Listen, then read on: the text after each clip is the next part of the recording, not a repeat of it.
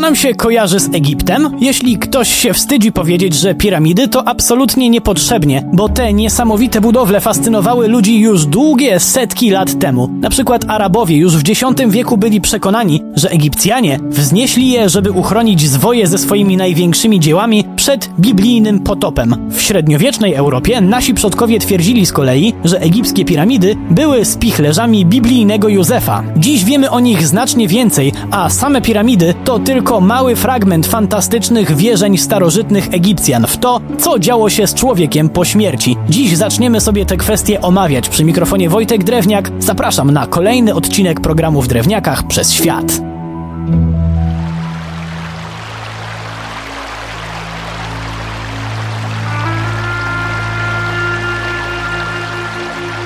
Jeszcze nie raz w czasie tej kilkuodcinkowej opowieści przekonamy się, jak wiele wierzenia starożytnych Egipcjan miały wspólnego z dominującymi dziś religiami. Zacznijmy jednak od podobieństw najbardziej fundamentalnych. Otóż przodkowie Mohameda Salaha wierzyli, że śmierć wcale nie kończy ludzkiej egzystencji, a sztuka grobowa miała nie tylko nieść ową dobrą nowinę, ale też była nieodłączna, żeby szczęśliwie funkcjonować w zaświatach. Jako ba. Jako kto? Spokojnie, spokojnie, już tłumaczę.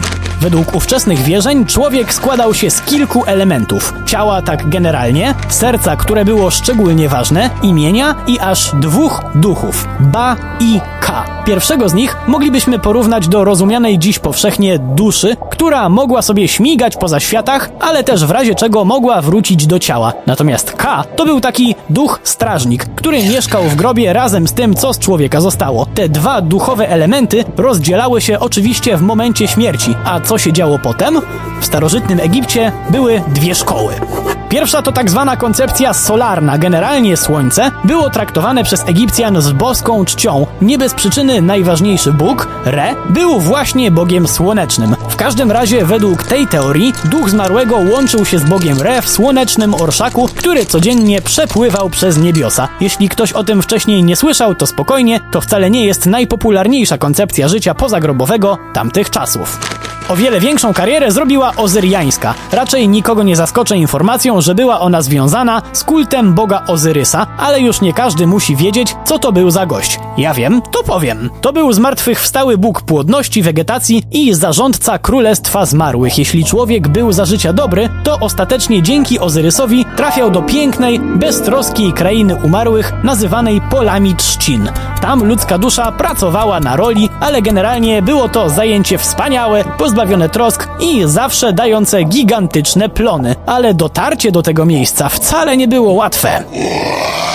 Przede wszystkim trzeba było przejść przez usianą potworami podziemną krainę Dat. Jak można je było pokonać? O tym sobie jeszcze opowiemy, ale jak już się tego dokonało, to wcale nie oznaczało, że dusza teraz może już spokojnie odetchnąć sobie z ulgą.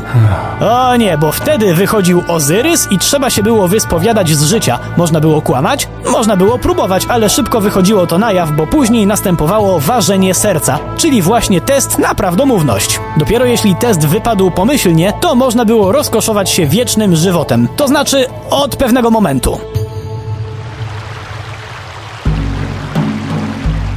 Bo przez kawał czasu nie miało to wszystko kompletnego znaczenia, jeśli nie było się z elit. Tak, przez wiele lat na wieczne życie mogli liczyć tylko władcy. Dopiero z czasem zaczęto uznawać, że członkom rodziny królewskiej też się chyba należy. Potem, że kapłanom też, później kolejnym i kolejnym, aż wreszcie uznano, że no już niech będzie, każdy ma szansę na wieczne szczęście. Przynajmniej po śmierci.